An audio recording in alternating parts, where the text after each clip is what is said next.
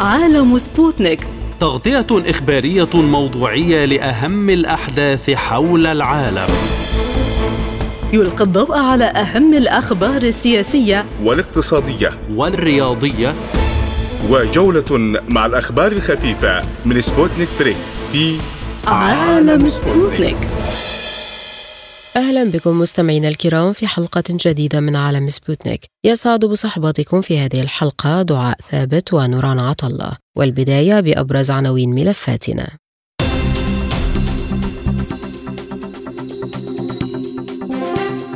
بريطانيا تقر بأن الميدان وصل إلى طريق مسدود في أوكرانيا ومطالبات غربية بإرسال دبابات اليوبارد إلى كييف. مكاسب أمريكية تتخطى 21 مليار دولار من تجديد مخزونات الأسلحة التي يقدمها الناتو لأوكرانيا. تحويل ملف احتلال إسرائيل للأراضي الفلسطينية إلى محكمة العدل الدولية. وزير الخارجية العراقي يؤكد أن لغة الحوار تحل الأزمات الأمنية مع تركيا وإيران. الرئاسة الثلاث في إيران تعلن رفض تصنيف الاتحاد الأوروبي الحرس الثوري منظمة إرهابية.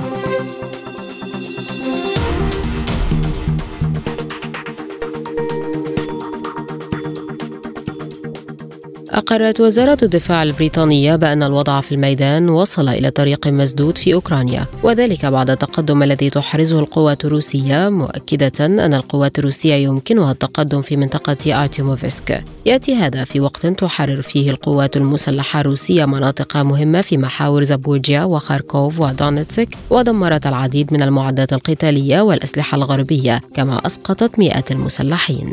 من جهة أخرى ورغم رفض برلين تطالب دول أوروبية الحكومة الألمانية بضرورة إرسال دبابات ليوبارد إلى أوكرانيا وأعلن وزير الخارجية الليتواني أن دول البلطيق الثلاثة ليتوانيا ولاتفيا وإستونيا تنادي برلين بتسليم الدبابات إلى نظام كييف دون تأخير. في المقابل دعا الرئيس البلغاري رومين راديف إلى وقف تزويد كييف بالأسلحة مشيرا إلى أن استمرار المساعدة العسكرية لأوكرانيا يمكن أن يؤدي إلى صراع عالمي. للتعليق على هذه التطورات ينضم إلينا من موسكو الدكتور محمود الأفندي الباحث السياسي. بعد التحية دكتور محمود، إذا ما دلالة حديث وزارة الدفاع البريطانية عن أن الميدان وصل لطريق مسدود في ظل تقدم القوات الروسية؟ طبعا هو ليس يعني تصريح جديد هو تصريح قديم وخصوصا بعد التصريحات الغربية المتتابعة أنها لن تسمح بأن روسيا تنتصر أو تحقق أهداف بالعملية العسكرية الخاصة اللي أعلن الرئيس بوتين 24 فبراير فبراير العام الماضي، السبب أنه فعليا أن الغرب يعني متدخل بشكل مباشر وحلف الناتو بالعملية العسكرية وجعلوا من ما يسمى أوكرانيا كعدو جيوسياسي، فالحرب هي حرب فعليا حرب الناتو مع روسيا الاتحادية، وهدف الناتو معروف أعلنوا عنه عدة مرات عدة مرات. هي تفتيت روسيا الاتحادية وتحويلها إلى دويلات صغيرة يمكن السيطرة عليها، فهذا هدف حلف الناتو بالأساس. منذ انتاج الثورات الملونة في دول الاتحاد السوفيتي السابق، هذا فعليا هدف كان منذ انهيار الاتحاد السوفيتي، فالآن التصريحات بأن وصل الامر إلى أمر يعني معقد نوعا ما بسبب أن روسيا لم تتنازل عن أهدافها وعن تحقيق اهدافها العملية العسكرية. وبنفس الوقت أوروبا لا تريد لبوتين أن تصل المعركه العسكرية، وصلنا إلى ما يسمى طريق مسدود بالنسبة للغرب طبعا، الطريق المسدود هو بدأ فعليا إنه الحرب طويلة الأمد أصبحت مستنزفة للسلاح الغربي مستهدف القدرات الغربية العقوبات الهستيريه أو تسونامي العقوبات يلي اصدره أصدر الغرب بقيادة الولايات المتحدة الأمريكية على روسيا أصبح يؤثر فعليا على أوروبا بالإضافة إلى نسبة التضخم وارتفاع أسعار الطاقة فأصبحت الحرب مكلفة ليس فقط على روسيا وإنها مكلفة أكثر على حلف الناتو والغرب، ففعليا حتى الآن نرى على أرض المعركة إنه هناك في نقص حاد في الأسلحة في أوكرانيا، نقص في الذخائر، نقص في كل شيء، فهذا أدى فعليا انه ليس هناك أي تنازل لأحد الطرفين في هذه الحالة العسكرية بالإضافة أن الغرب لا يعلم ماذا سيفعل. الان، يعني بعد كل هذه التصريحات والدعم الأوكراني لا محدود وبالفعل لم يعطي أي نتائج، يعني خلونا نكون واقعيين، المعاونات السنة الماضية اللي اتت لاوكرانيا تقدر ب 90 مليار دولار عسكريا. فعليا أين هذه المعونات؟ يعني العملية العسكرية المعاكسة اللي خاضت فيها أوكرانيا في بداية سبتمبر العام الماضي لم تنتج غير عبارة عن تقدم طفيف واسترجاع حوالي 7 أو 6% من الأراضي التي كانت تسيطر عليها روسيا. يعني فقط. هذا يعني أن هذه العملية العسكرية المعاكسة لم تنجح على أساس هذا الدعم الغير المحدود من من الغرب. والآن بعد هذه العملية العسكرية المعاكسة أوكرانيا أعطت كل قواتها العسكرية في يعني زجت في كل قدراتها العسكرية من الاسلحه الثقيلة اللي هي الدبابات والمدرعات، كلهم احترقوا والآن بحاجة ليس فقط إلى الذخائر والمدافع، هم بحاجة إلى كل شيء. ولماذا تضغط الدول الأوروبية على ألمانيا لإرسال دبابات ليوبارد إلى أوكرانيا؟ أول شيء هذا النوع من الدبابات لأنه اوكرانيا أول شيء بحاجه إلى دبابات وفعليا كل الدبابات السوفيتية الموجودة كانت في أوروبا الشرقية تم إرسالها بشكل كامل إلى اوكرانيا فهم بحاجة إلى دبابات أي دبابة كانت. والآن الدبابات الموجودة في أوروبا هي أغلبيتها في ألمانيا وهي أكبر دولة منتجة للدبابات في أوروبا. ففعليا ليس هناك أي خيار للناتو غير اعطاء هذه الدبابات وتعلم جيدا أن هذه الدبابات تحت ملكية المانيا الاتحادية. ففعليا هناك مشكلة ضخمة جدا من أين سيأتوا بهذا الكمية الهائله من الدبابات؟ هذا أول شيء. بنفس الوقت آه، آه، ألمانيا لا تريد اعطاء هذه الدبابات لعدة أسباب. السبب الأول الاساسي هو أن هذه الدبابات إذا أعطتهم هم بحاجة إلى تصنيع دبابات أخرى. بهذه التضخم العالمي وبهذه اسعار الطاقة الدبابات الان إذا تم المانيا إنتاجها ستصبح يعني ثمنها غالي جدا.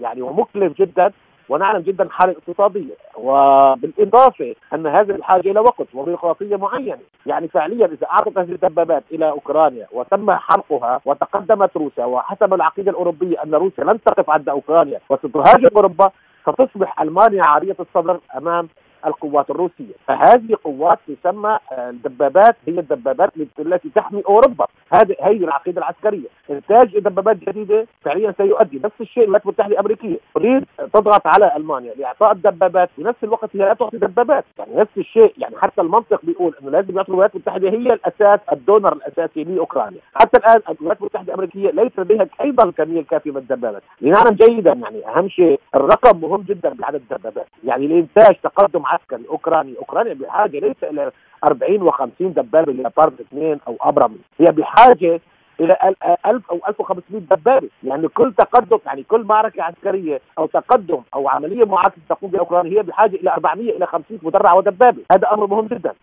حتى الآن تبدو ألمانيا مترددة في إرسال هذا النوع من الدبابات. فهل تعتقد أنها في النهاية ستزود أوكرانيا بها؟ أم أن الولايات المتحدة هي من يجب أن يقوم بهذه الخطوة أولا؟ من وجهة نظر برلين طبعا. هو في مشكلة بإرسال الدبابات بالدولتين لأنه الدبابة هي عبارة عن آلية عسكرية تشترك بالعملية العسكريه وتعطل بشكل سريع. يعني تصاب بأهداف طف... تصاب بإصابات طفيفة يمكن يؤدي إلى خروجها. فخروجها يجب أن يكون هناك ورشات تصليح يعني الحرب الحديثة تقوم على أساس الآليات العسكرية الثقيلة يجب أن يكون مركز تصليح أو صيانة قريب من آه، الجبهة العسكرية لإصلاح هذه المعدات، يعني فعليا إذا أراد الغرب أو الولايات المتحدة الأمريكية إعطاء الدبابات عليهم إدخال غير التدريب، التدريب بحاجة لوقت كبير، غير التدريب هي بحاجة إلى إنتاج مراكز صيانة على الأراضي الأوكرانية، يعني إنه إدخال مهندسين عسكريين أو آه، عمال صيانة من الولايات المتحدة الأمريكية ومن الغرب. من المستحيل أن يقوم مراكز الصيانة الأوكرانية أن تصلح دبابات أبرم أو ليبرد اثنين هذا يعني أن ستعرض هذه الدول قواتها إلى ما يسمى الخطر أول شيء بالإضافة روسيا تعتبر تدخل مباشر لأنه هذول ليس ليسوا مرتزقة وليسوا متقاعدين هذول يكونوا هذول دائما بالقوات الرسمية العسكرية إن كانت في الولايات المتحدة الأمريكية أو في ألمانيا. آه، يعتبر تدخل مباشر هذا أول شيء، ثاني شيء ستتعرض حياتهم للخطر آه، كمهندسين عسكريين، ثالث شيء إذا لم يعطوا إذا لم ينشئوا هذه مراكز الصيانة يعني حتى لو أعطوا 10 دبابات أو 20 دبابة تستطيع هذه الدبابات القتال لمدة يومين أو ثلاثة فقط.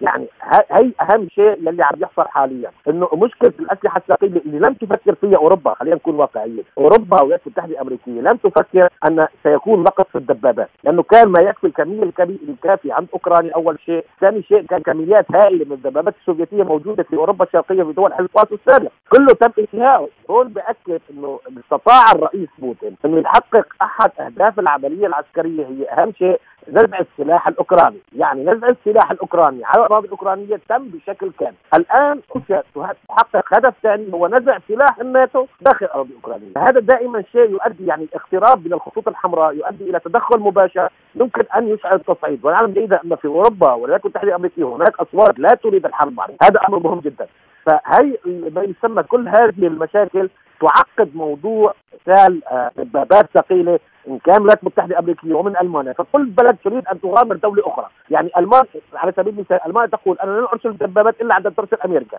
فعليا ما معنى هذا الكلام؟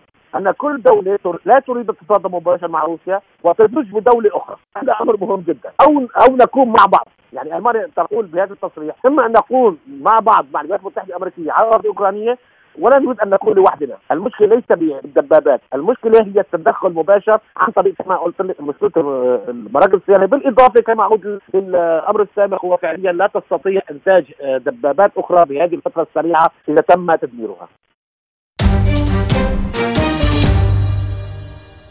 أعلن مركز أبحاث مؤسسة الدفاع عن الديمقراطيات FDD أن الولايات المتحدة ستحصل على 21 مليار و700 مليون دولار من إعادة تخزين المعدات العسكرية التي تم تسليمها إلى أوكرانيا من جانب حلفاء الناتو. وقال المركز إن استبدال المعدات العسكرية التي نقلها حلفاء الولايات المتحدة في الناتو إلى أوكرانيا قد يؤدي إلى مبيعات عسكرية أو مبيعات تجارية مباشرة للصناعات الأمريكية. وأضافت المؤسسة الأمريكية أنه من خلال إعادة تخزين الأسلحة الموردة لأوكرانيا يمكن لهذه الدول تحسين قدراتها وبناء رادع عسكري أكثر فعالية مع خفض تكاليف البنتاغون لتصنيع هذه الأسلحة. يأتي هذا في حين أن القدرة الصناعية الدفاعية الأمريكية غير الكافيه تجعل من الصعب تزويد قواتها بالذخائر التي تحتاج إليها مع تزويد أوكرانيا وتايوان في الوقت نفسه بكميات الذخيرة التي قد تطلب بصورة عاجلة. من بيروت ينضم إلينا الخبير العسكري والاستراتيجي دكتور أمين حطيت بعد التحية دكتور أمين يعني كيف نجحت الولايات المتحدة في التربح من الأزمة الأوكرانية من خلال كميات السلاح التي تنتجها لحلف الناتو أمريكا وجدت في آه، العملية العسكرية الروسية الخاصة والمواجهات في آه، أوكرانيا مكسبا آه، مثلث الوجوه. الأمر الأول آه، ذو طبيعة استراتيجية لما تريده أن تقود روسيا فيه إلى حرب استنزاف لاستنزاف قدراتها. والوجه الثاني ذو طبيعة اقتصادية لأنه يوفر لأمريكا ميدانا واسعا لاستهلاك السلاح والذخيرة وتدفيع الآخرين أثمانها. والوجه الثالث ذو طبيعة عسكرية هي الاختبار السلاح الغربي في مواجهة السلاح الروسي. وبالتالي أمريكا تعتبر نفسها حتى الآن هي الرابح الأساسي من المواجهات العسكرية في أوكرانيا وهي تستمر في هذا المسعى خاصة في ظل الوهن والضعف الأوروبي الذي آه، لا يواجه أمريكا أو لا يقول لا لاوروبا آه، لأمريكا في إملاءاتها. قد يكون الموقف الأوروبي آه الذي تبلور مؤخرا آه يوم الجمعة الماضي عندما آه عقد اجتماع في قاعدة رامشتاين الجوية في ألمانيا آه للبحث في تزويد أوكرانيا بالدبابات. قد يكون الموقف الأوروبي بداية تحول ولكن لا نراهن عليه كثيرا.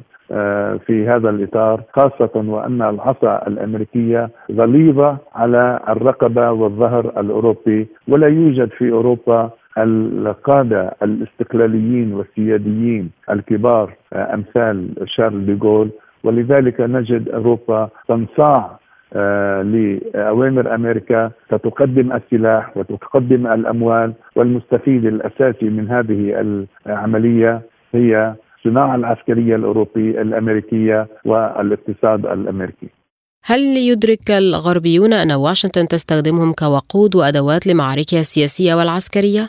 أنا أعتقد أن الغرب آه، بدأ يدرك ذلك ولذلك ما نراه اليوم من مظاهرات احتجاج بدأت تشهدها الشوارع الأوروبية سواء في بولندا أو آه، فرنسا أو آه، إسبانيا ضد التورط في أوكرانيا هو نوع من من الدلالة على أن الشعب يدرك. لكن المسألة في تكمن في القادة والحكام. هؤلاء لا يملكون الجرأة في مواجهة أوروبا والقول لا.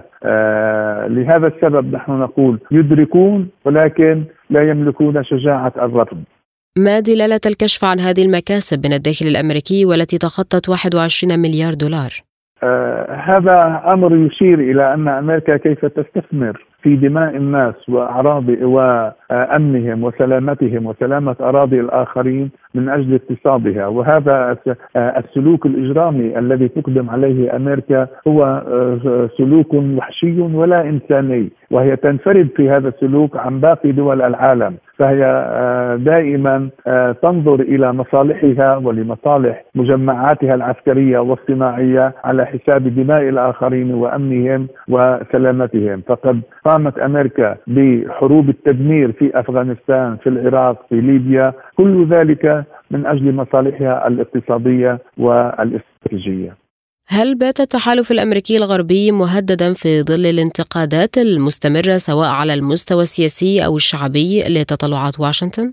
أنا أعتقد أن هذا التحالف لن يستمر طويلا خاصة وأن الهزيمة في أوكرانيا سترتد بمفعول عاصف ارتدادي على الاتحاد الأوروبي، لذلك أنا أعتقد أن آه، المستقبل سيحمل ثلاثة عناصر أو ثلاثة مشاهد رئيسية آه، في آه، من الناحية أو من الباب الأوكراني. المشهد الأول هو الانتصار الحتمي لروسيا لأن روسيا ليس لها بديل من الانتصار. ثانيا المشهد الثاني التصدع في الاتحاد الأوروبي والتصدع في الكيانات الأوروبية. قد نشهد عمليات انفصال كثيرة سواء في إسبانيا أو في المملكة المتحدة أو آه، في إيطاليا آه، ردة فعل على الهزيمة في أوكرانيا. والمسألة الثالثة التي لا يمكن أن تبعد عن ذهننا هو تصدع الحلف الأطلسي الذي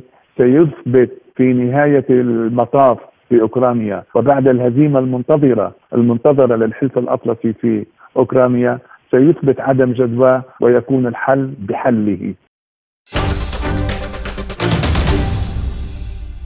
أعلنت محكمة العدل الدولية أنها تسلمت طلب الجمعية العامة للأمم المتحدة لتقديم فتوى قانونية بشأن الممارسات الإسرائيلية التي تمس حقوق الإنسان للشعب الفلسطيني في الأرض المحتلة بما فيها القدس الشرقية. وذكرت المحكمة في بيان أن الطلب نقل إليها عبر رسالة وجهها الأمين العام للأمم المتحدة أنطونيو غوتيريش بتاريخ 17 من يناير الجاري وتم تسليم الطلب يوم الخميس الماضي. من جهتها دعت وزارة الخارجية الفلسطينية الدول الشقيقة والصديقة لتقديم مرافعاتها القانونية لمحكمة العدل الدولية ورأيها في قانونية وجود الاحتلال الإسرائيلي على أرض دولة فلسطين وأثر ذلك على كافة الحقوق. وشددت الخارجية على أن طريقها لإصدار الفتوى القانونية في ماهية الاحتلال الإسرائيلي قد بدأ وهذا يحتاج إلى تضافر الجهود الوطنية والإقليمية والدولية وصولا إلى تحقيق العدالة. وينضم إلينا من رام الله الكاتب والمحلل السياسي محمود أبو الهجة. بعد التحية سيد محمود على ماذا ترتكز فلسطين عندما تذهب لمحكمة العدل الدولية في استشارة حول الاحتلال الإسرائيلي لأراضيها؟ ترتكز أساسا إلى القانون الدولي والى قرارات الشرعية الدولية وإلى الواقع الراهن الذي يؤكد بأن إسرائيل دولة محتلة لأراضي دولة فلسطين وعلى المجتمع الدولي أن ينظر بهذه المسألة وأن يقرر ما هو آه، آه، واقعي وما هو حقيقي وما ينبغي أن يكون ضد هذا الاحتلال. ولكن قرار محكمة العدل الدولية استشاري فقط وليس إلزامي، فهل تستفيد السلطة الفلسطينية من هذه الورقة؟ نحن في إطار حراك سياسي ودبلوماسي. آه، آه، فلسطين تواصل هذا الحراك على مختلف المستويات في مختلف الهيئات والمؤسسات الدولية لكي تؤكد حقها المشروع في مناهضه الاحتلال عبر القوانين وعبر الشرائع الدولية، هذا أمر يتعلق بالنضال الوطني الفلسطيني على مستويات مختلفة، نحن نعرف بأن آه، آه، هذا القرار سيكون استشاري أو آه، غير ملزم في المحاسبة ربما لإسرائيل ولكن على المجتمع الدولي حينما يجابه مثل هذا الحراك وحينما ينظر إلى الحقائق كما يقرها القانون الدولي فإنه لابد في المحصلة أن يتخذ قرارا وأن يتخذ موقفا وأن يتخذ حراكا يساهم ويدعم الشعب الفلسطيني في نضاله في سبيل الحرية والتحرر. وما الموقف الذي قد يتخذه المجتمع الدولي؟ يعني لا شيء سوى أن يمتثل لقرارات الشرعية الدولية وأن يحترم شرع حقوق الإنسان وأن يحترم القوانين التي تقوم عليها منظمة الأمم المتحدة، القوانين التي وضعها المجتمع الدولي، نحن لا نطالب بالقمر في في هذا السياق، نطالب بأن يحترم المجتمع الدولي قراراته وأن ينتصر للمظلومية الفلسطينية وأن ينتصر ضد الفاشية التي بدأت يعني تتجلى في في في إسرائيل بهذه الحكومة التي يترأسها بنيامين نتنياهو. هذا هو ما نسعى إليه وما وما ندعو إليه. باختصار شديد هذا جزء من حراك سياسي سيتواصل للقيادة الفلسطينية في مختلف الساحات لكي تؤكد هذه الحقيقة. السلطة الفلسطينية تتعرض إلى عقوبات من حكومة نتنياهو بعد خطوتها الذهاب لمحكمة العدل، فهل هي قادرة على مواجهة هذه العقوبات؟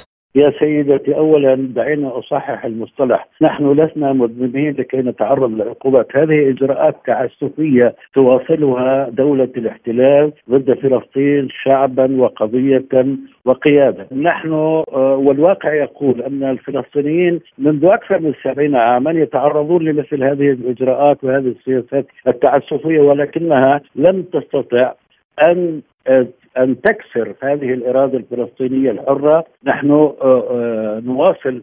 طالما نحن على أرض دولتنا صحيح هذه الدولة الآن محتلة وجيش الاحتلال على المفارق وفي الطرقات وفي الحواجز وفي كل مكان إضافة إلى المستوطنين المسلحين الذين يطاردون المزارعين الفلسطينيين وهم يحاولون آه، يعني جني محاصيلهم في في أراضيهم الزراعية. نحن صامد طالما نحن صامدون في هذه الأرض لا نعتقد ونؤكد بل نؤكد وبيقين شديد أن هذه الإجراءات لن تستطيع أن تنال من إرادة شعبنا في سعيه نحو التحرر والاستقلال.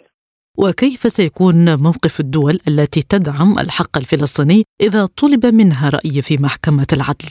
أه نتطلع أن ينظر الجميع بنزاهة إلى هذا الموضوع، نقصد مجتمع أه، دول المجتمع الدولي لدينا يعني هناك أصدقاء أه، كثر في هذا المجتمع وهناك طبعا آه، دول آه، تكيل بمكيالين في هذا السياق ونتوقع أن تنحاز لجانب دولة الاحتلال ولكن القرار في المحصله نتطلع أن يكون لصالح فلسطين ولصالح مطلبها بأن تحدد قانونية هذا الاحتلال وشكله في النهاية.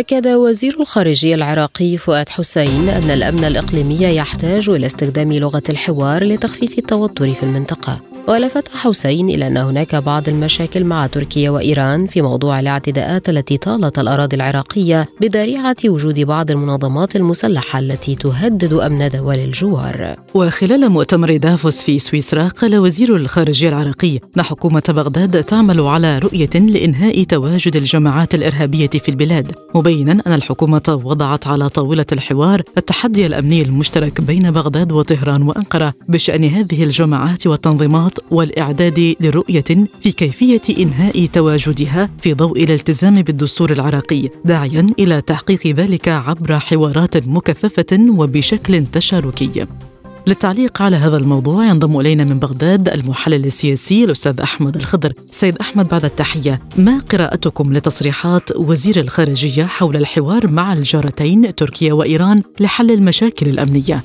طبعا بالتأكيد لغة الحوار هي اللغة الوحيدة التي تستخدمها الحكومة العراقية لحل المشاكل العالقة ليس فقط مع دول الجوار مثل إيران وتركيا وإنما مع كافة الدول الأخرى التي ربما قد تحدث بين العراق وبينها مشاكل، إيمان العراق الجديد من بعد 2003 فكرة العراق الجديد ان لا لغة غير لغة الحوار ولا لغة للغة السلاح، أعتقد أن العراق عانى ما عانى من ويلات الحروب والحروب العبثية في النظام السابق، لذلك يؤمن ايمانا كاملا أن طاولة الحوار هي الحل الوحيد. وشهدنا أن هناك أزمات قد حلت فعلا من خلال طاولة الحوار وسجل العراق فيها نجاحا من ضمنها انسحاب القوات الأمريكية وغيرها من العراق، اذا لغة الحوار طاولة الحوار هي السبيل الوحيد الذي ينتهجه العراق لحل المشاكل العالقة مع تركيا وإيران وحتى غير تركيا وإيران. إذا أفهم منك أن هناك مشاورات قادمة في هذا الجانب. هناك حوار قادم مع إيران وتركيا هذا ما أعلنته الحكومة العراقية مرات عديدة. أعتقد أن هناك جدول أعمال متكامل سوف تبدأ به الحكومة العراقية. هناك أيضا ربما زيارات سوف تنتهجها الحكومة العراقية لحل المشاكل العالقة. الحكومة العراقية لا تنتظر ان الأزمة تكبر ككرة الثلج وإنما تحاول دائما أن تنهي الأزمات في مهدها. لذلك أعتقد أن العراق سيكون صاحب المبادرة العراق سيكون صاحب الخطوة الأولى وسوف يخطي خطوات تجاه تركيا وإيران لحل المشاكل العالقة بين البلدين. وهي مشاكل مهمة وحساسة جدا. ماذا عن استياء العراق من انتهاك سيادته من قبل الدولتين وهل يمكن أن يتجه لتدويل الازمه؟ أكيد يعني عندما العراق يرى أن هناك طريقا مسدودا للمفاوضات مع تركيا وإيران بالتأكيد هو الخيارات ستكون مفتوحة أمام اللجوء إلى الهيئات الدولية والمنظمات الدولية، لكن لحد هذه اللحظة لا نرى أن الطرق مسدودة مع تركيا وإيران لحل مشاكل مثل المشاكل الحدودية وحزب العمال وغيرها يعني على الحدود، لذلك نرى أن الباب ما زال مفتوحا مع دول الجوار وهي دول جوار مهمة واستراتيجية ولها عمق في الداخل العراقي، لذلك نعتقد أن العراق سوف ينتهي مسألة اولا الحوار المباشر مع حكومات تلك الدول ونعتقد انه سوف يصل إلى نتيجة إيجابية إن شاء الله وسوف نتصل تصل الأمور إلى اللجوء إلى مجلس الأمن. إلى أي حد تتخذ السلطات العراقية قرارات بشأن بعض الجهات التي تهدد أمن تركيا وإيران؟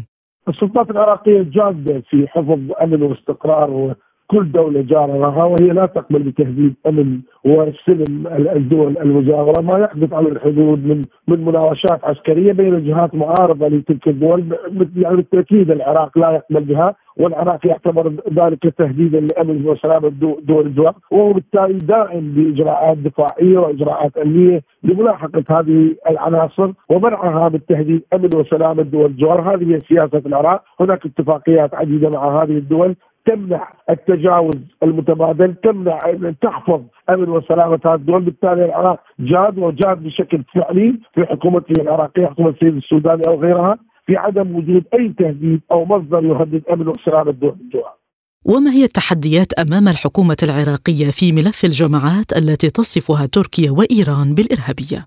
طبعا التحدي الأكبر يكمن أن الوضع معقد على الحدود يعني علينا أن لا ننسى أن الجغرافيا هناك صعبة على الحدود الإيرانية والتركية. تمنع من بسط الأمن بصورة كاملة وملاحقة هذه العناصر الموجودة على الحدود، ملاحقة العناصر المعارضة لتركيا وإيران في هذه المناطق هي عملية صعبة وصعبة جدا. تحتاج ربما إلى مساعدة من قبل قوات التحالف أو غيرها، نحن نؤكد أن العراق لديه خطة وهو يسير بها لملاحقة هذه العناصر ومنعها من تهديد أمن وسلامه دول الجوار، لكن نذكر علينا أن نذكر أن ملاحقة هذه العناصر وهي تمتلك الخبرة في المناطق الجغرافيه الصعبة، ملاحقة هذه العناصر ليس بالشيء السهل، ليس بالشيء اليسير، وإنما يحتاج إلى جهد جهد على الأرض وجهد استخباراتي كبير لإنهائه بدرجة 100%.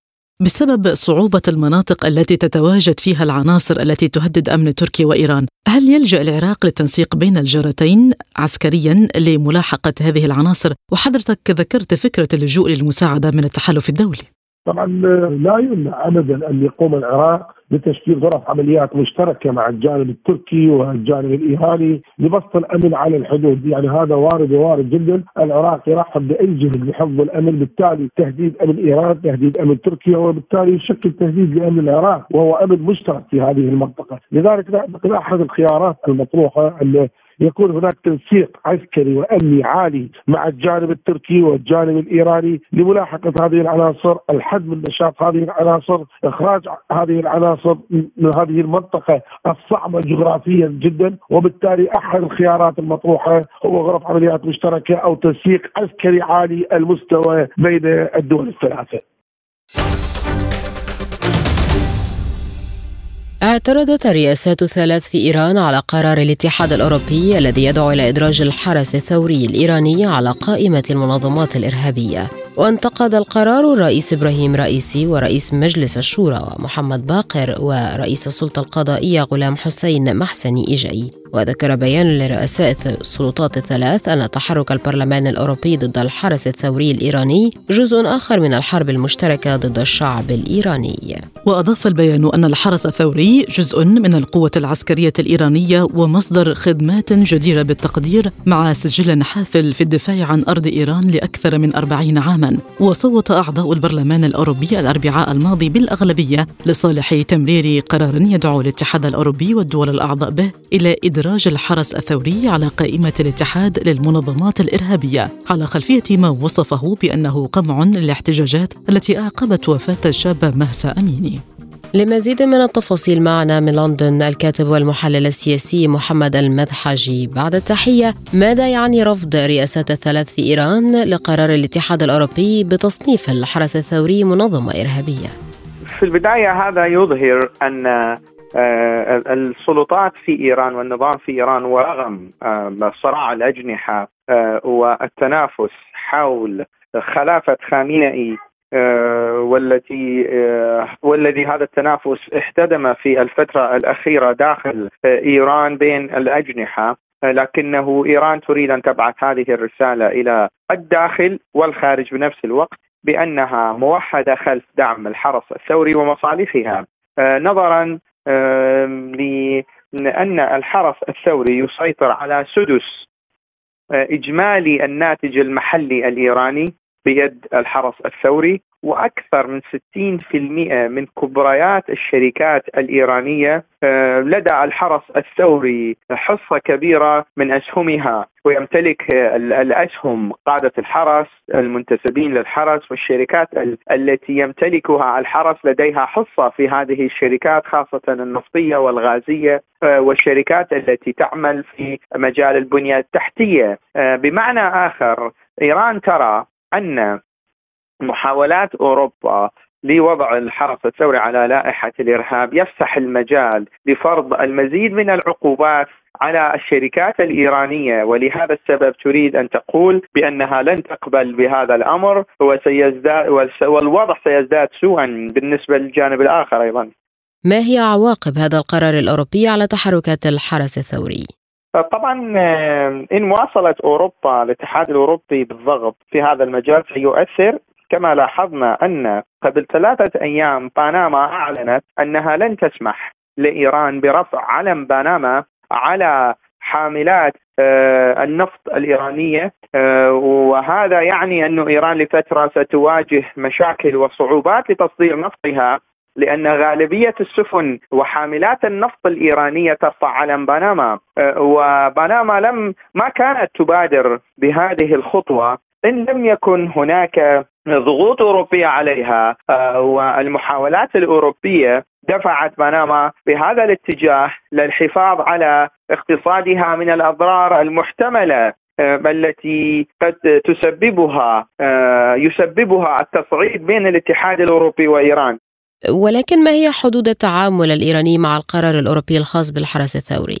يعني إيران لديها قرار واضح في هذا الملف الضغوط التي تواجهها إيران سبب هذه الضغوط هو التعاون الإيراني الروسي ومساعدة إيران آه، لروسيا من خلال شراء النفط الروسي واستهلاكه داخليا وتصدير النفط الإيراني إلى الخارج وكذلك إيران تحولت إلى ممر رئيسي للبضائع الروسية والمنتجات الروسية باتجاه منطقة الخليج العربي والمياه الحرة. أوروبا تريد من إيران وقف هذا التعاون وكذلك التعاون العسكري الطائرات دون طيار وبعض الصواريخ التي إيران ترسلها إلى إلى روسيا تستخدم في القتال في أوكرانيا. آه، ما ما يزعج أوروبا هو ملف أوكرانيا. في الواقع وفي الحقيقة ألمانيا والاتحاد الأوروبي بشكل عام يشن حرب آه، على روسيا لكن أوكرانيا تتبنى النيابة. أوكرانيا هي تنوب ألمانيا وتنوب الاتحاد الأوروبي في هذه الحرب آه، ضد روسيا.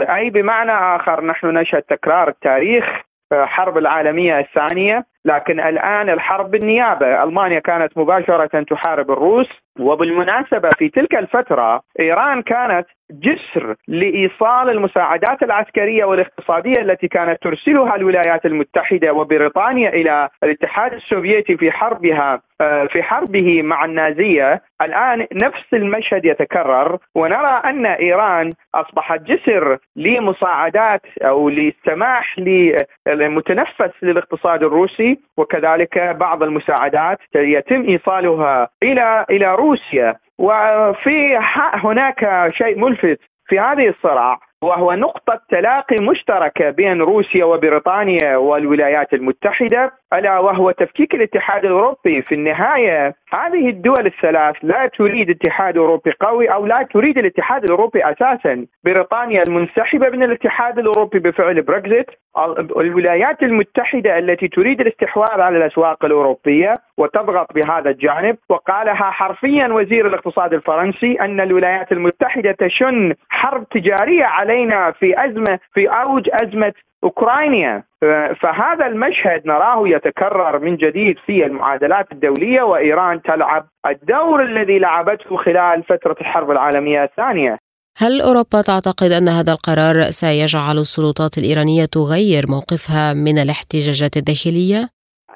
الاتحاد الأوروبي استخدم ورقة الاحتجاجات وضغط على هذه الاحتجاجات، طبعا هي احتجاجات واقعية داخل إيران بفعل آه، تردي المعيشة وسوء إدارة البلاد والأزمات التي تصف بإيران وفساد المسؤولين في إيران، هذا شيء لا غبار عليه لكنه الجانب الأوروبي حاول أن يستغل هذه الاحتجاجات الشعبية للضغط على النظام الإيراني حتى يرغمه ويثنيه حتى يجلس مع الاتحاد الأوروبي ويتفاوض معه، الجانب الإيراني رفض، الآن الاتحاد الأوروبي بعد فشل محاولاته لاستغلال الاحتجاجات في إيران يريد أن يضع الحرس الثوري على لائحة الإرهاب حتى ينشئ طاولة آه، معينة للتفاوض مع إيران بالإضافة إلى ضغط على إيران حتى يرغم إيران ان أن تعطيه التنازلات أو جزء من التنازلات التي يريدها لكن الوضع لا يشير إلا إلى أن إيران مستعدة أن تعطي الاتحاد الأوروبي الذي بات يغرق في أزمات متتالية اقتصادية سياسية داخلية تصدع آه، هذا الاتحاد الذي الآن يخسر أوراق كثيرة على الصعيد الدولي من الحقيقة لا أرى أن إيران تريد أن تضع بيضة أو بيضاتها في سلة الجانب الأوروبي كما فعلته خلال الاتفاق النووي الذي كان هو في الواقع كان اتفاقا غربيا إيرانيا وحضور روسيا والصين في الاتفاق النووي كان حضورا شكليا فقط. الجانب الغربي هو الذي كان يدير هذا الملف لكن الآن إيران لا ترى أن الجانب الغربي يمكن التعويل عليه فهي تعول على جهات أخرى في النظام الدولي. أخيرا ما مصير الملف النووي بعد كل هذه المشاحنات بين الطرفين؟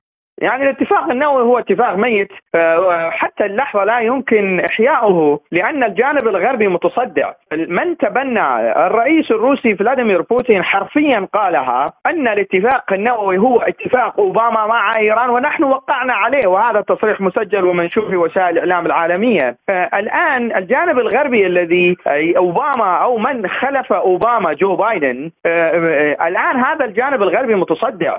حرب تجارية بين الولايات المتحدة والاتحاد الأوروبي، بريطانيا المنسحبة من الاتحاد الأوروبي، هناك خلاف واضح بين فرنسا وألمانيا حول حصص آه، الدول من الميزانية الأوروبية وكلفة آه، سعر ارتفاع الطاقة في أوروبا. هناك خلافات حادة بين فرنسا آه، وألمانيا. هذا البيت المتصدع لا يمكنه أن يحيي اتفاق أوباما، إن كان هناك اتفاق نووي يحصل مستقبلا يجب أن يكون اتفاق نووي جديد وليس الاتفاق النووي الذي سنه أوباما وجيك ساليفان، معمار الاتفاق النووي هو جيك ساليفان الذي الآن يشغل منصب مستشار الأمن القومي الأمريكي، هذا هذا الفريق لا يمكنه إحياء الاتفاق النووي ونرى كيف منذ ثلاثة سنوات وهم يفشلون بعد عدة جولات من المفاوضات لا يمكنهم إحياء هذا الاتفاق لأنه الدول الأخرى التي لديها مصالح في الساحة الإيرانية لن تقبل باتفاق أوباما بعد منها روسيا ومنها الصين حتى يريد هذه الدول تريد اتفاق جديد مختلف عن اتفاق أوباما. الآن إلى جولة حول العالم.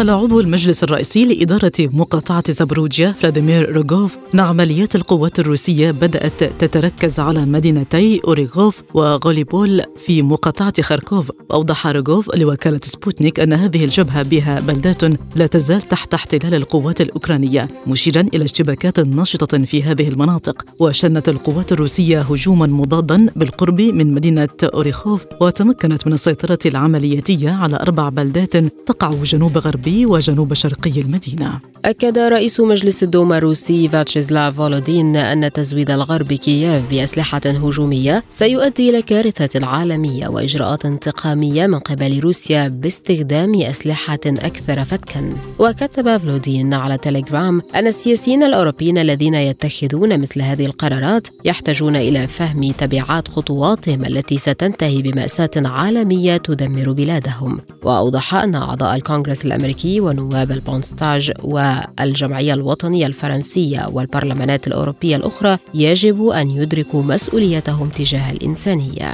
هدد وزير الخارجية الإيراني حسين أمير عبد اللهيان بانسحاب بلاده من معاهدة الحد من انتشار الأسلحة النووية حال لم يصحح الأوروبيون مواقفهم حسب ما نقلته وكالة الأنباء الإيرانية. كان دبلوماسيون أوروبيون قالوا يوم الجمعة أن الاتحاد الأوروبي سيفرض عقوبات جديدة على 37 مسؤولا وكيانا إيرانيا على خلفية قمع التظاهرات التي تشهدها إيران.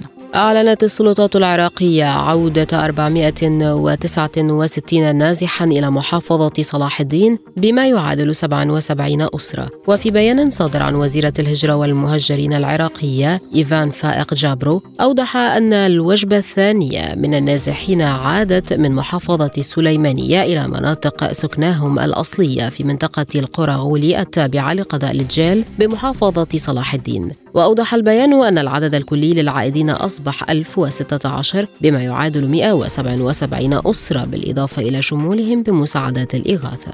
توصل السودان ومصر إلى اتفاق يقضي بإزالة كافة العقبات أمام المشاريع المائية التي تنفذها الهيئة الفنية الدائمة المشتركة لمياه النيل في الدولتين. وذكرت وكالة الأنباء السودانية رسمية أن وزير الري والموارد المائية المكلف ضوء البيت عبد الرحمن منصور أجرى محادثات مع نظيره المصري هاني سويلم في الخرطوم وتناولت المباحثات سبل التعاون والعمل المشترك في مجال الموارد المائية. وأكد الوزير السوداني أن الجانبين اتفقا على أهمية دعم الهيئة المشتركة والتركيز على إنفاذ المشاريع التي تقوم بها. قال رئيس الوزراء الإسرائيلي بنيامين نتنياهو أريا درعي من منصب وزير الداخلية والصحة بعدما أبطلت المحكمة العليا في إسرائيل الأسبوع الماضي قرار تعيينه فيما رجحت تقارير استمراره في الحكومة كمراقب في مجلس الوزراء. وكانت المحكمة العليا في إسرائيل قضت الأربعاء الماضي إلغاء تعيين زعيم حزب شاس أري درعي وزير للداخلية والصحة بسبب إدانته بالاحتيال وأمرت بتنحيه من الحكومة. طلبت الحكومة الإسرائيلية بشكل رسمي من الولايات المتحدة الأمريكية شراء طائرات اف 15 المتطورة. وذكرت القناة العبرية 12 أن الطرفين الإسرائيلي والأمريكي يجريان محادثات مكثفة من أجل عقد شراء صفقة الطائرات بعدد لا يقل عن 25 طائرة. وأكدت القناة أن وزارة الدفاع الإسرائيلية تقدمت بطلب رسمي إلى الإدارة الأمريكية للموافقة بسرعة على بيع الطائرات المقاتلة من طراز اف 15 بهدف تعزيز قدرات سلاح الجو الإسرائيلي من خلال إضافة سربين مقاتلين على أحدث طراز. أفادت وكالة أنباء بوركينا فاسو رسمية بأن سلطات البلاد أبلغت فرنسا بمغادرة قواتها المتمركزة في البلاد في غضون شهر. ونددت حكومة بوركينا فاسو الأربعاء الماضي بالاتفاق الذي يحكم منذ 2018 وجود القوات المسلحة الفرنسية على أراضيها ومنح فرنسا شهرا لاستكمال انسحابها. ويتمركز 400 جندي من القوات الخاصة الفرنسية في بوركينا فاسو التي يحكمها المجلس العسكري لمحاربة تمرد إسلامي لكن العلاقات قد تدهورت في الأشهر الأخيرة.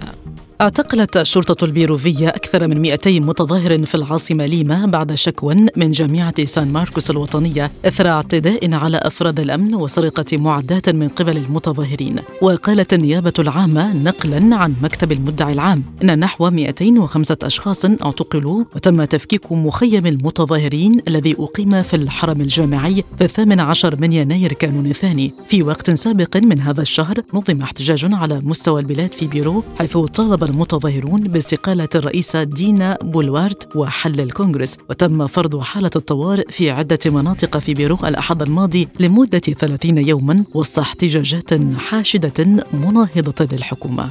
ارتفع عدد ضحايا الفيضانات في الفلبين إلى 35 شخصا وأصيب 12 وفقا لمجلس الدولة للحد من مخاطر الكوارث. وبحسب المجلس فقد تم إدراج سبعة أشخاص في عداد المفقودين. كما تضرر 1780 منزلا منها 548 بشكل كامل وانقطع التيار الكهربائي في 68 مدينة وانقطعت إمدادات المياه في 17 مدينة وتضررت خطوط الاتصالات في 14 مدينة أخرى.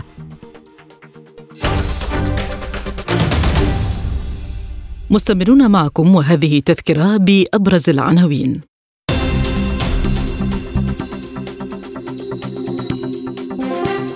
بريطانيا تقر بأن الميدان وصل إلى طريق مسدود في أوكرانيا ومطالبات غربية بإرسال دبابات ليوبارد إلى كييف. مكاسب أمريكية تتخطى 21 مليار دولار من تجديد مخزونات الأسلحة التي يقدمها الناتو لأوكرانيا. تحويل ملف احتلال إسرائيل الأراضي الفلسطينية إلى محكمة العدل الدولية.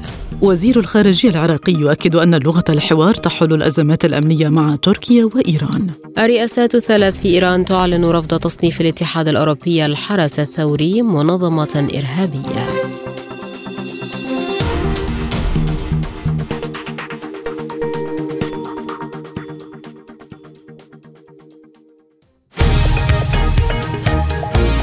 عالم سبوتنيك يغطي جميع الأحداث السياسية والاقتصادية والرياضية حول العالم. على مدار ساعة تتابعون عالم سبوتنيك مع أهم خبراء التحليل السياسي والاقتصادي. نقترب معكم في متابعة دقيقة من القضايا السياسية والاقتصادية. كما نستعرض أهم الأخبار الرياضية والفنية والبيئية. انتظروا عالم سبوتنيك أيام الجمعة والسبت والأحد من كل أسبوع. ملفات ساخنة برنامج يسلط الضوء على أهم القضايا الحرجة في العالم. في ملفات ساخنة نستعرض القضايا مع جميع الأطراف ومن كل الزوايا لاستجلاء الحقيقة. ملفات ساخنة يستضيف أهم الخبراء وأجرأ الضيوف تابعوا ملفات ساخنة مع راديو سبوتنيك أيام السبت والثلاثاء والخميس من كل أسبوع. الآن إلى الأخبار الاقتصادية. أكد سفير جنوب أفريقيا في موسكو مزوفوكيلي ماكيتوكا أن نحو 13 دولة أبدت اهتماما بالانضمام إلى مجموعة بريكس وقدم نصفها تقريبا طلبات رسمية للانضمام إلى المنظمة. وقال ماكيتوكا خلال مقابلة مع وكالة سبوتنيك إن ست دول تقدمت بطلبات رسمية مؤخرا للانضمام إلى المجموعة بينها الجزائر ومصر بالإضافة إلى إيران والبحرين والسعودية والإمارات. وتوقع سفير جنوب أفريقيا أن تكون الأولوية إلى الدول التي تقدمت بالفعل مؤكدا ترحيب الدول الأعضاء في بريكس بالتوسع ولكن من الضروري تحديد طرق قبول أعضاء جدد.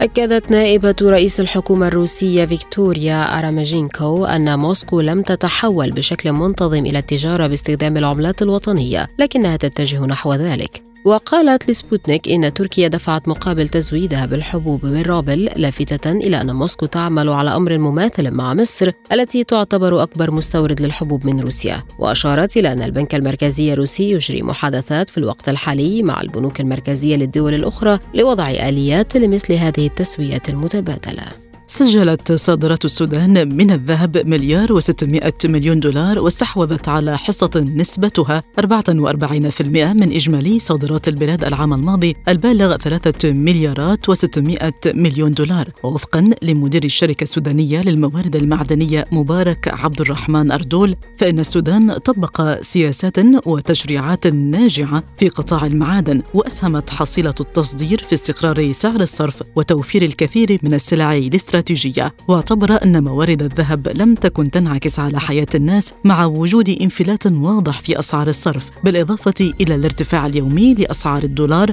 الأمر الذي كانت له تأثيرات سلبية على الإنتاج والمنتجين.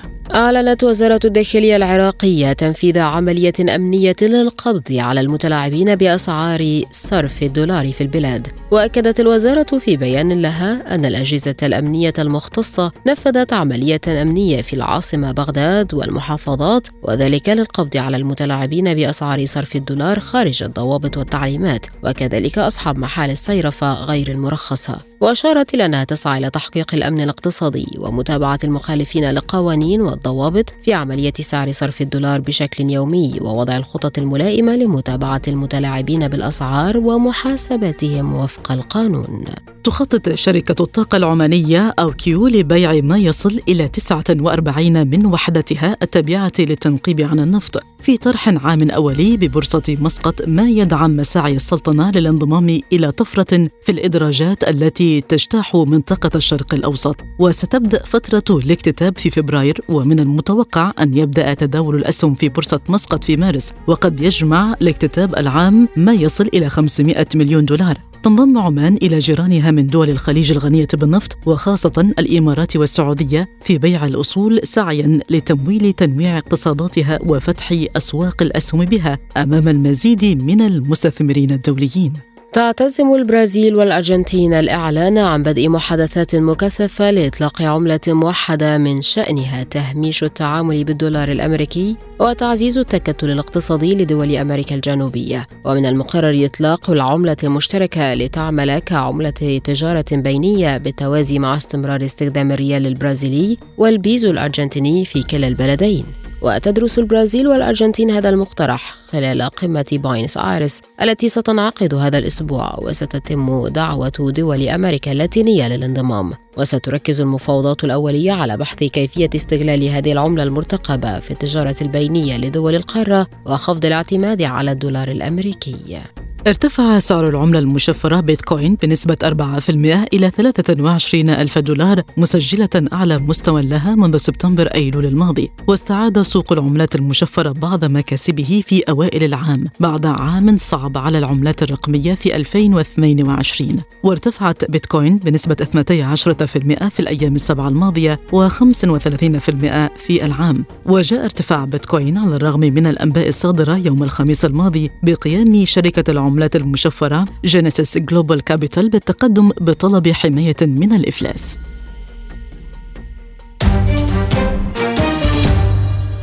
الآن مستمعين إليكم مجموعة من الأخبار الرياضية.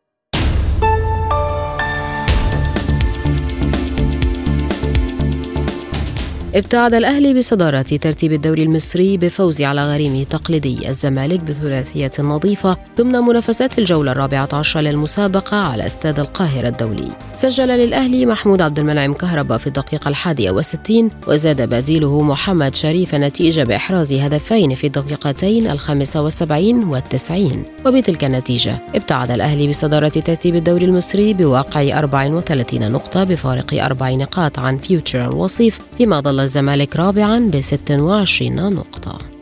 فاز نابولي على مضيفه سالرنيتانا بهدفين نظيفين في المباراة التي جمعتهما ضمن منافسات الجولة التاسعة عشرة من الدوري الإيطالي لكرة القدم. وقع على ثنائية نابولي المدافع جوفاني دي لورينزو والمهاجم النيجيري فيكتور أوسمين في الدقيقتين الخامسة والأربعين والثامنة والأربعين على الترتيب.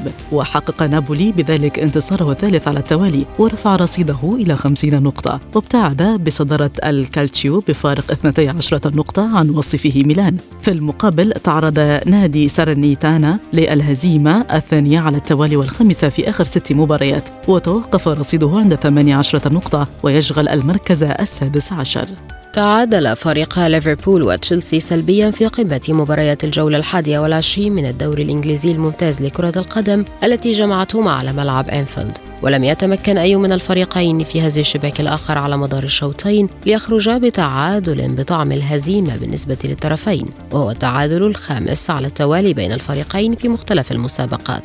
واكتفى ليفربول وتشيلسي بنقطة وحيدة يحتلان بها المركزين التاسع والعاشر في جدول ترتيب البريمير ليج برصيد 29 نقطة لكل منهما. انتصر أتلتيكو مدريد على ضيفه بلد الوليد بثلاثة أهداف دون رد في إطار منافسة الجولة 18 من الدوري الإسباني لكرة القدم. وتوالى على تسجيل الثلاثية المهاجمان الإسباني ألفارو موراتا والفرنسي أنطوان غريزمان والمدافع الإسباني ماريو هيرموسو. ورفع أتلتيكو مدريد رصيده بعد هذا الفوز إلى 31 نقطة وانفرد بالمركز الرابع بينما تعرض بلد الوليد للهزيمة الخامسة على التوالي. وتجمد رصيده عند 17 نقطة في المركز السابع عشر. تأهل منتخب الجزائر إلى الدور ربع النهائي لبطولة كأس أمم أفريقيا للمحليين في صدارة مجموعته بعد الفوز على موزمبيق بهدف دون رد في الجولة الثالثة والأخيرة من دور المجموعات. سجل حسين دهيري هدف المباراة الوحيد في الدقيقة السابعة من المباراة التي أقيمت بملعب نيلسون مانديلا في الجزائر. بهذا الفوز ارتفع منتخب رصيد الجزائر إلى تسع نقاط في صدارة المجموعة الأولى محققا العلامة الكاملة.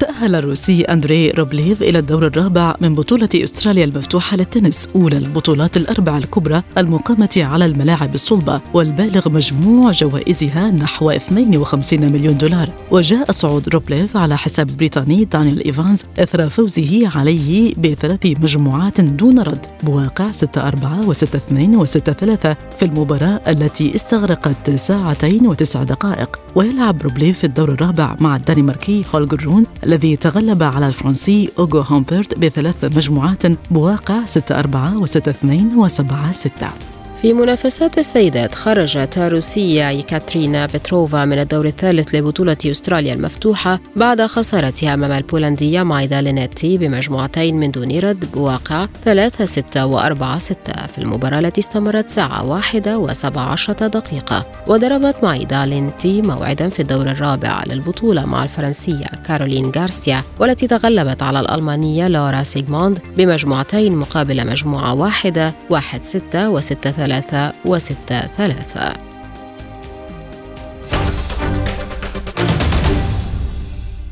الآن إلى مجموعة من الأخبار الخفيفة.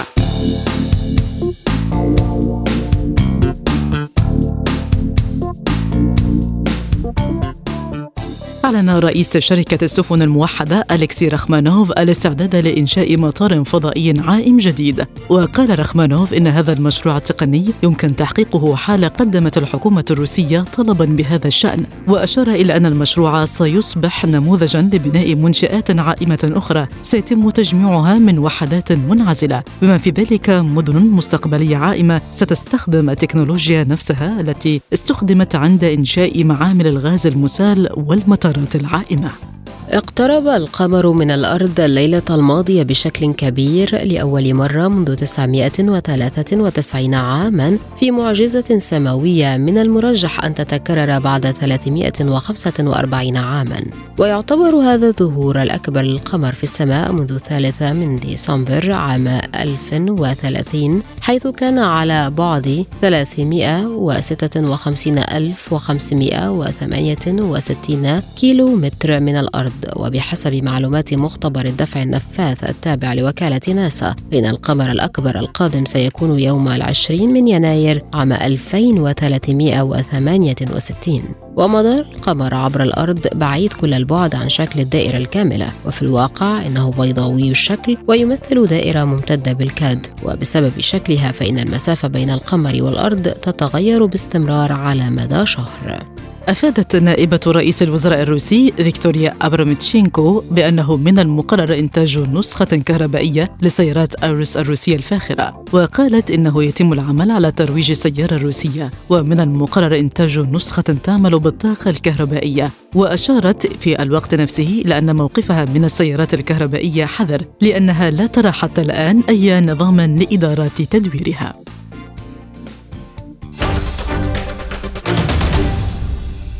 مستمعينا لا يبقى في هذه الحلقة سوى التذكير بأهم ملفات عالم سبوتنيك.